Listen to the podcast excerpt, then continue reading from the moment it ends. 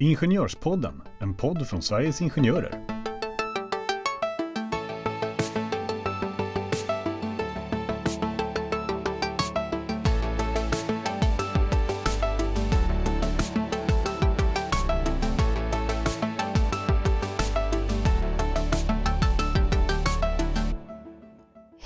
Och välkomna till ett nytt avsnitt av Ingenjörspodden. Idag ska vi uppmärksamma sexuella trakasserier på arbetsplatsen och prata lite mer om det. Hur mycket ska man egentligen behöva tåla på en arbetsplats och hur ser det ut efter metoo-rörelsen? Eh, vi hoppas att ni får er en tankeställare och att vi kanske klargör rättsläget något. Vi eh, kör igång direkt. Välkomna till Ingenjörspodden.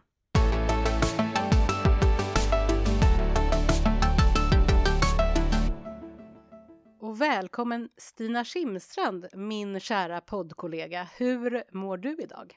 Hallå Jenny, jag mår bra tack. Hoppas Mm. att detsamma gäller för dig.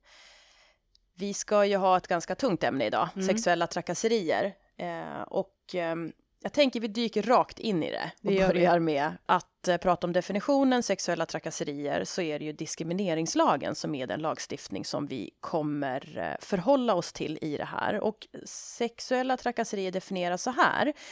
Det är ett uppträdande av sexuell natur som kränker någons värdighet. Ja, men det är lite stolpigt, så är det ju med, Mm. med juridisk text. Den första saken som är viktig att tänka på här är att när man pratar om diskrimineringsfrågor så, så brukar vi säga, eller vi brukar säga det för att det är så lagen är tänkt, Mm. att det ska ha samband med någon av diskrimineringsgrunderna. Men när det gäller sexuella trakasserier, då behöver det faktiskt inte ha det. Eh, Utan det är själva handlingen i sig, agerandet i sig, som kan vara kränkande. Om det är också kopplingen av sexuell natur.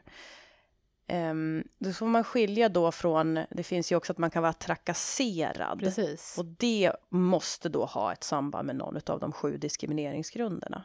Och de sju diskrimineringsgrunderna finns ju att hitta i diskrimineringslagen. Vi ska inte gå in allt för mycket på det, men vi har ju eh, två poddavsnitt va, som handlar om diskriminering. Så det är avsnitt 30 och 31 för er som vill eh, lyssna på dem och höra lite mer om diskriminering. Och då kanske man också måste bryta ner det ytterligare. Så här, men vad är en kränkning av sexuell natur? Ja, det kan ju vara allt ifrån alltså det verbala, det kan vara ord, det kan vara kommentarer, det kan vara blickar, det kan vara ja, men fysiskt, att det är kanske tafsande eller på olika sätt att man tar. Naturligtvis alltså i den yttre änden att det också är, är våldtäkter och, och sådana grova delar. Men det, det man ska komma ihåg är att det är ändå ett ganska liksom, brett spann på vad det kan vara. Därför att Mm. gemensamt är ju att jag som blir utsatt upplever att det är ovälkommet. Mm. Jag vill inte det här. Och jag blir kränkt av att, att du säger de här sakerna. Det är ju eh, från två olika perspektiv att en person upplever att man ger komplimanger, man Mm. kommenterar någons utseende till exempel. Jag som tar emot det upplever det inte som en komplimang utan jag känner mig objektifierad och jag känner jag vill inte på min arbetsplats att någon kommenterar mitt yttre. Det är ovälkommet. Det jag behöver göra då, det är att säga till dig Jenny, vet du, jag vill inte att du säger så. Jag vill inte att du kommenterar hur jag ser ut. För det som händer då, det är att du har fått en insikt i att jag upplever det här, ja, ovälkommet. Jag Mm. vill inte att du gör det. Därför att eh, fortfarande på en väldigt generell nivå, så sexuella trakasserier eh, kräver att den som utsätter någon annan för det också har insikt i att Mm. det är ovälkommet. Ja, för om man pratar om den här yttre gränsen, att man till exempel skulle tafsa på någon, då eh, känns det ju ganska givet att den som tafsar insåg eller borde insett att det är ovälkommet. Eh, eller det kanske de i och för sig inte tror att det är ovälkommet, men att det kan vara ovälkommet. Ja. Eh, men om man pratar om kommentarer, då börjar det ju bli mera gråzonigt, eh, kan man tycka. Det behöver ju inte vara gråzon, men det är ju där det ofta kan bli en diskussion. Att den som lägger de här kommentarerna menar det som ett skämt eller det är jargong eller vad man nu, eller det är flörtande eller vad det nu må vara. Så Mm. det, är- då är det ju väldigt viktigt som du säger att eh, man måste säga ifrån och det är inte så lätt. Absolut inte lätt. Och, och med det sagt så är det ju också så här att vissa situationer är så uppenbara och det kommer vi prata om i ett rättsfall att trots att man aldrig sa ifrån så borde den personen ha insett att det här är ett agerande som, som inte är okej okay. och, och då, då eftersom vi är i rättsfall eh, i strid med diskrimineringslagen. Mm. Innan vi går in på det Jenny tänkte jag också säga att um, i diskrimineringslagen så pratar man ju också om att det är en, en, liksom en arbetsgivare eller likställd med en arbetsgivare. Du kommer ju fördjupa dig lite grann mm. i det. Eh, när det är mellan kollegor, då finns det ju också krav på en, på en utredning för att få trakasserierna, sexuella trakasserierna att, att upphöra. Så att det finns lite olika hantering beroende på om det är en arbetsgivare som sexuellt trakasserar en mm. medarbetare eller om det är mellan två kollegor. Men en utredning behöver göras i båda fallen, men, men lite, lite grann kan man använda sig av lite olika delar i lagen beroende mm. på vem det är som gör. Mm. Det här är ingenting som, om du som lyssnar är förtroendevald och tänker, men hur ska jag veta den här distinktionen? Det behöver du inte. Ta Nej. kontakt med oss så hjälper vi dig med det. Mm. Men för att belysa det här lite bättre, det finns ju jättemånga såklart rättsfall som handlar om sexuella trakasserier. Vi har valt ut två rättsfall eh, och eh, som handlar om eh, sexuella trakasserier. Vi kommer inte gå in på dem eh, supernoga utan ganska översiktligt mer för att göra vissa poänger eh, och domstolens perspektiv. Då. Första rättsfallet, eh, och jag ska nämna det rättsfallet för er som vill gå in, eh, alltså numret på det är AD 2016 nummer 56 för er som vill gå in och söka upp där och läsa mer noggrant. Det handlade kort, väldigt kortfattat om ett bageri där det var en eh, ganska ung kvinna som anställdes. Hon anställdes som kassabiträde på det här bageriet. Och eh, det var en av bagarna som faktiskt även var ställföreträdare för bolaget. Han började ganska strax efter anställningen kommentera eh, hennes kropp och komma med sexuella anspelningar.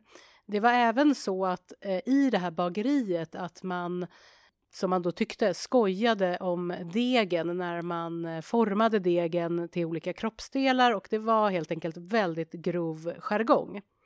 Eh, men kvinnan hade tagit väldigt illa vid sig, känt sig oerhört kränkt och eh, det här hamnade helt enkelt i Arbetsdomstolen. Och eh, det Arbetsdomstolen kom fram till det var ju att det hade förekommit sexuella kommentarer och inviter och grova sexuella skämt. Och man menade också från Arbetsdomstolens sida att bagaren borde eh, ha förstått att det här var ovälkommet. Vid ett tillfälle hade ju kvinnan också sagt ifrån när den här bagaren eh, hade frågat eh, om han fick ta på den här kvinnans bröst exempelvis. Och där hade hon ju sagt ifrån, så det var ju väldigt tydligt. Men de här eh, grova skämten, de hade ju även varit riktade hela tiden mot henne. Och man menade då från Arbetsdomstolens sida att hon hade utsatts, utsatts för sexuella trakasserier enligt diskrimineringslagen. Och det man tittar på som vi vill gå igenom lite här, det var ju just det här med arbetsgivare. För den här bagaren som var liksom ledaren eller vad man ska kalla honom, han var ju inte arbetsgivare men han var ställföreträdande. Och eh, då bedömdes han som att han var likställd arbetsgivaren. Och eh, ja, vad ska man säga mer om det här äh, rättsfallet, Stina? Det var... Jag tänker på det här med jargong. Ja.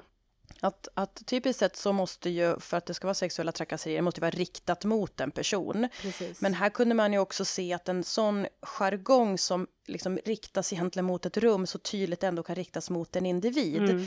Eh, och om man lyfter blicken lite grann bort från lagstiftningen mm. och tänker på hur, hur otroligt svårt det är på en arbetsplats mm. att ensam göra någonting mot mm. en jargong. För då, då kan man komma tillbaka till de här uh, tröttsamma kommentarerna. Har du ingen humor? Mm. Jag skämtade Precis. och så. Så att, så att just det här eh, kulturen och, och beteendet på arbetsplatsen kan ja, men faktiskt vara direkt skadligt för många individer. Men att det är ju fler som kan må dåligt av att befinna sig mm. på sådana här arbetsplatser. De som dras med och kanske säger skämt som man, ja, jag använder ordet ja, men skämt, men uttrycker sig på ett sätt som så man kanske känner att man förflyttar sin egen liksom, eh, position mm. i hur man mm. egentligen tycker är okej, att gränserna flyttas fram. Eller att man inte säger någonting, utan man, för det här var ju i det här fallet liksom en grupp bagare och de står, och det här var ju flera gånger i veckan, så det var ju liksom inte vid ett tillfälle, utan det var ju, det här var jargongen på arbetsplatsen. eh, att man inte säger någonting. Precis, då är man tillbaka på den här tystnadskulturen, mm. att, att den som blir utsatt kan känna sig ganska ensam, mm. men det kan vara fler som mår dåligt mm. i det och mm. inte riktigt vet hur ska jag hantera det här. Mm. Ja, nej men och, och, sista saken jag vill säga egentligen om det här, att jag tycker att det är så anmärkningsvärt när man läser det här rättsfallet, att det bolaget framför är ju, det förekommer ingen sexualiserad nej. jargong. Um, och i, liksom i form av mm. sexuella skämt eller sådär. Alltså det har skojats lite kanske där och nog kan mm. det vara grova skämt men, men det har inte att göra med sexualiserad Nej. jargong. Alltså den här ytterligheten med var går gränsen, vad som är okej. Okay. Att kommer du utifrån mm. till den här arbetsplatsen då kanske du skulle bli helt häpen mm. med men är det så här ni pratar med varandra? Och har du liksom varit i det så kan det hända att det har på något vis mm. normaliserats eller man vill bortförklara för att så illa är det väl ändå inte här. Ja, den är... Men det var ju väldigt märkligt i just det här fallet för de hade ju liksom format de här degklumparna till diverse kroppsdelar och, och skämtat då inom situationstecken, gör jag nu i luften där, för, eh, om, om det här och på ett ganska vidrigt sätt. Och ja. att man inte förstår att det skulle vara sexuella trakasserier, det är ju såklart för dig och mig jättekonstigt. Mm, mm. Vi kan väl gå vidare till mm. nästa eh, rättsfall som då är samma år mm. prövades det här i Arbetsdomstolen och det är AD 2016 nummer 38. Mm. Och det här har med ett café att göra. Återigen en ung tjej som eh, då skulle ha ett samtal med sin chef eh, och då bad han henne att hon skulle slå sig ner i hans knä. Eh, och de skulle prata om löneförhöjning och hennes eh, prestationer. Han uttryckte att hon var jätteduktig och han pussade på henne och hon sa faktiskt inte ifrån utan hon satte sig i, i knät och hon, nu gör jag också citationstecken, mm. lät det hända. Mm. Hon blev ju så chockad. Hon blev väldigt chockad. Mm. Det här är ju det som man kan eh, använda uttrycket frozen fright. Mm. För vi pratade ju om egentligen att du måste säga ifrån mm. om inte det är alldeles uppenbart. Och här har AD just tagit fasta på det, att du som arbetsgivarföreträdare, det här är så uppenbart att det är direkt olämpligt. Mm. Och eftersom vi är rättsfallsreferatet att det, det är inte liksom förenat med vad en arbetsgivare ska göra och det är faktiskt sexuella trakasserier när man gör så här. Därför att arbetsgivaren försökte bortförklara det med att säga Nej men jag blev förvånad själv. Jag, ja, han sa det som ett skämt. Ja, jag ja. sa det som ett skämt. Jag trodde mm. aldrig att hon skulle sätta mm. sig ner, alltså lägga skulden mm. på tjejen mm. egentligen, eller lägga ansvaret på vad hon väljer att göra istället för att han borde ha tänkt efter om han menar på att det är ett skämt och hon blir så ställd så att hon säger inte ifrån utan gör det. Vi mm. pratar om maktbalans och mm. vi pratar om vem som är en arbetsgivare, vem som är en anställd och, och eh, olika eh, olika ingångar egentligen mm. hur man känner att man kan påverka sin, sin, sin situation. Eh, så att han borde då, anse domstolen, att ha förstått bättre mm på ett sätt mm. då, då. Att eh, även om han säger att det var ett skämt så det är inte förenligt med vad en arbetsgivare ska göra. Du ska liksom aldrig behöva sitta i knä på din arbetsgivare under när du ska lön, prata. Under ett lönesamtal, Nej, alltså det är så orimligt. Ja, men, ja. ja. Mm. Så att det här är ett sånt här samtal, det är oacceptabelt med fysisk beröring.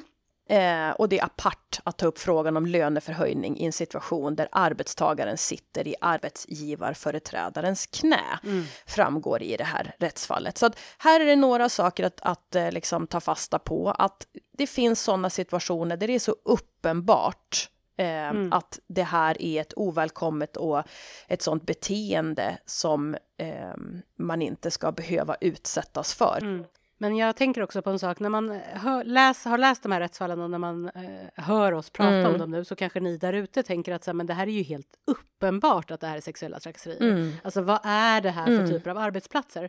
Men antagligen är det ju inte helt uppenbart. Sen kanske det är så att eh, vissa av de här har onda avsikter, alltså de här arbetsgivarna. Men vissa av dem det, det, kan ju handla om ett så invant beteende för att om man säger till någon, tänker jag nu, att hoppa upp här och sätt i mitt knä, det är ju inte första gången den här chefen har sagt det. till någon ung tjej, så tänker jag. Mm. Utan det är liksom ett invant beteende Mm. som måste brytas. Vi kommer ju komma eh, till det lite eh, alldeles strax om hur vi tänker att det här, eh, hela metoo-rörelsen och så har, har påverkat. Men, men det är, eh, jag tror att problematiken ligger i hur det här har varit kulturellt, hur det alltid har funkat på vissa arbetsplatser. Sen kanske vet inte jag, är det här är det i vissa branscher tydligare? Eh, där det är många unga, unga kvinnor som jobbar till exempel. Alltså, jag tror ju generellt att, och det har vi ju sett också, det sker ju i alla branscher.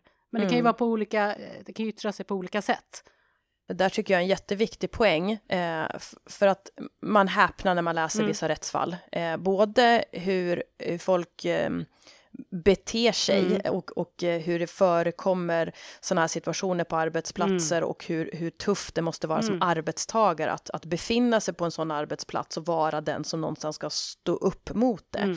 Mm. Eh, tystnadskulturen i det. Men, men eftersom det är så brett vad som juridisk mening är sexuella trakasserier så förstår man också att det kan förekomma ganska subtila Mm. saker där man inte mår riktigt bra för att man känner de här blickarna eller man känner eh, sig utsatt på olika sätt och vis. Ja men precis, och då skulle man då som ung tjej, man har kommit in på ett företag, eh, nu pratar jag kvinnor, det kan självklart vara män också, eh, komma in på ett företag och sen så får man då de här kommentarerna du pratar om. Mm. Att då ta modet till sig, man kanske är ganska ny också, säga att jag tycker inte de där kommentarerna är okej och få då kanske som man tror till svar, vad pratar de? Mm. Då har jag ju missförstått allting. Ja, det där har jag aldrig sagt. Eller Mm. det där menade inte jag på det sättet. Alltså, de är ju svå- ändå svå- väldigt svåra, de här frågorna. Absolut. Så det handlar ju om att liksom bryta mark och bara liksom få en helt ny syn på vad sexuella trakasserier Mm. är.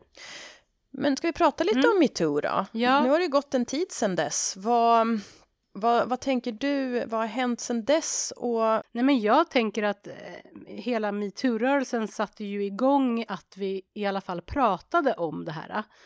Eh, och uppmärksammade problemet och att man förstår också hur brett det här har varit och att det just inte är bara tafsande utan det är de här kommentarerna, det är blickarna, det är eh, en jargong och så vidare och så vidare. Så att man har ju som förhoppning att det i alla fall är, har kommit upp till ytan på olika arbetsplatser.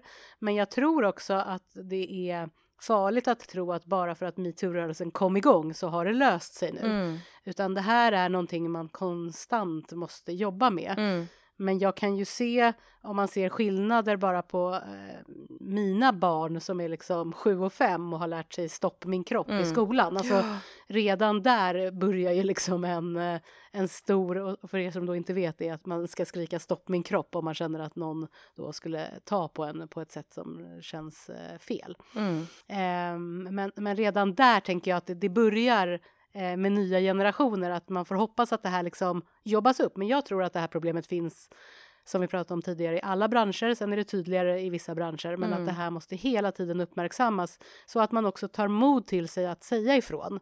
mm. För det är det här att säga ifrån och att arbetsgivare såklart ehm, får mera kunskap, kännedom och jobbar med det här kontinuerligt. Mm.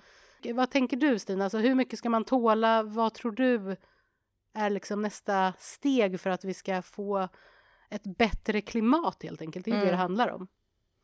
För att man ska få ett, ett, ett bättre klimat kring Mm. det här så, så ska man ju tänka också att det är någonting som hör väldigt tätt samman med, med den arbetsmiljölagstiftningen Mm. som vi har. Därför att den, på en arbetsplats med god arbetsmiljö så ska ju inte det här förekomma. Eh, så här är ju ett sätt som man ser att lagstiftningen eh, kompletterar varandra genom diskrimineringslagen och arbetsmiljölagen. Eh, men mitt, mitt enkla svartvita svar är man ska inte behöva tåla mycket alls. Mm.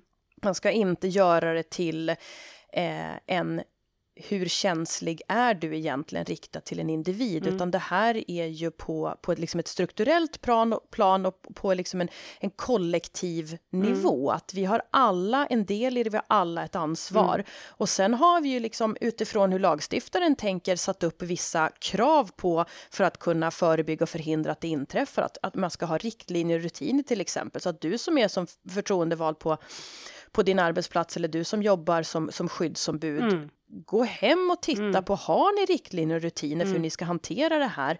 Lagstiftningen ställer krav på att man ska göra en utredning har ni brutit ner det kring vem ska göra utredningen? Vad, vad gör man till mm. exempel när en, en medarbetare som är utsatt av sin chef? Vem ska göra utredningen då? Hur ska man hantera de här frågorna rent konkret och praktiskt så att det inte blir hyllvärmare eller blir för för allmänna policies som blir liksom visionära men som inte går att handfast jobba med. Um, jag tänker på Tystnadskulturen är alltid så där att man i efterhand kan titta och se, men gud, att ingen mm. sa något. Mm. Ja, men vi kan inte lägga ansvaret på en individ, utan vi måste hjälpas åt allihopa att prata om det, mm. att reagera, att inte låta en oskyldig jargong eskalera och till slut är det så normaliserat så att det blir så jäkla tufft mm. faktiskt att göra någonting åt, för man vet inte vilken ände man ska börja och det får inte bli det här, men det är så jävla PK, nu har jag svurit mm. två gånger i den här podden. Otroligt, det är så, här, så upprörd är det. Men jag, jag ja. tänker på två saker, dels som du säger så här, vad man, man ska tåla, att man ska tåla ganska lite. Mm. Det handlar också, det måste vi påminna oss om, i det här fallet som vi pratar nu, mm. det handlar om sexuella trakasserier på en arbetsplats. Ja. Det här är inte att du är, vilket självfallet inte heller är okej, okay, men du är inte i en bar där någon kille säger att Oj, jag flörtade med dig Stina, mm. utan det här är din arbetsplats där mm. du ska såklart känna dig helt trygg och säker. ska du självklart göra en bar också, men eh, ni förstår vad jag menar. Det tycker jag är det ena. Det andra tycker jag är att, precis som du säger, att det är så viktigt och det är därför vi också såklart här i podden tar upp sexuella trakasserier nu, att, att vi hela tiden eh, tar upp ämnet, att vi pratar om det och att vi har någon typ av plan. För annars kommer det här bara ligga som att, ja men kommer ni ihåg metoo-rörelsen? Ja, det var för jävligt att... Eh, oj, då kom det en svordom till. Oj, oj, oj. det, det, var ju eh, fruktansvärt att eh, eh, alla de här sakerna hänt. Tänk att det kunde vara så här i samhället och så blir det ingenting mera. Mm. Så att det är ju viktigt att vi hela tiden uppmärksammar det, tittar på oss själva lokalt på vår arbetsplats. Hur ser det ut? Och att man hela tiden för ett samtal om det här så att när det här händer, för det kommer hända, att man vet hur man ska agera. Ja, men du pratade ju också om Jenny att man kan behöva eh, se över liksom vilken kunskapsnivå, mm. vilken medvetenhet mm. har man och det tror jag jättemycket att man måste jobba långsiktigt med det här regelbundet löpande mm. genom att också fundera Eh, har vi rätt verktyg? Mm. Har vi liksom en, en kännedom, kunskap om det? Eller är det den här, nej men det förekommer inte på vår arbetsplats så då behöver inte vi göra mm. någonting. Eh, jag vill eh, skicka med lite tips. Mm. Och det finns jättebra checklister på Diskrimineringsombudsmannens hemsida, do.se. Eh, jag vill skicka med att ni tittar över era riktlinjer och rutiner, att ni funderar över om en medlem, om du är förtroendevald, eller om du som anställd eh, upplever dig sexuellt trakasserad, vet du vad du ska göra då? Mm. Vem ska du prata med? Hur ska man gå tillväga? Fundera på det, se över det. Du som förtroendevald, kalla till ett möte med HR.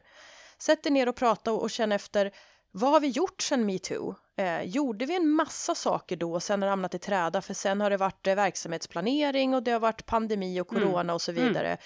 Mm. Eh, vad vill vi eh, signalera på vår arbetsplats. Hur kan vi säkerställa att alla känner sig trygga? Att vi kommer bort ifrån synen på att någon är extra känslig eller reagerar lite, lite väl mycket på, på vad som egentligen är en komplimang.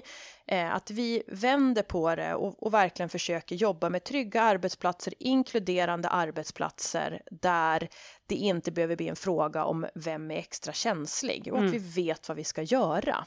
För då tror jag att vi på ett kollektivt och på ett liksom i kulturen att det sätter sig i väggarna, att vi blir så instinktivt tydliga på var gränsen går och vad som är okej okay eller inte. Som du säger Jenny, att det är så självklart hos våra barn, stopp mm. min kropp. Det är mm. så in, mm. liksom inövat mm. tänkte jag säga, men det är så självklart för det, det mm. kommer direkt. Mm. Eh, de är så tydliga med var gränsen går och det kan vi lära oss av. Ja, det får bli visa slutord och eh, ni kan eh, alltid såklart kontakta oss också ska vi säga. Alltid, alltid. Ja. Och vi ska även påminna om att vi har medlemsseminarier eh, som man kan anmäla sig till på vår hemsida om just sexuella trakasserier om ni vill att eh, vi ska komma ut och prata mera om det här ämnet på era arbetsplatser. Men eh, med de orden säger vi eh, tack och hej och eh, ta hand om er där ute. Hej då! Hej då!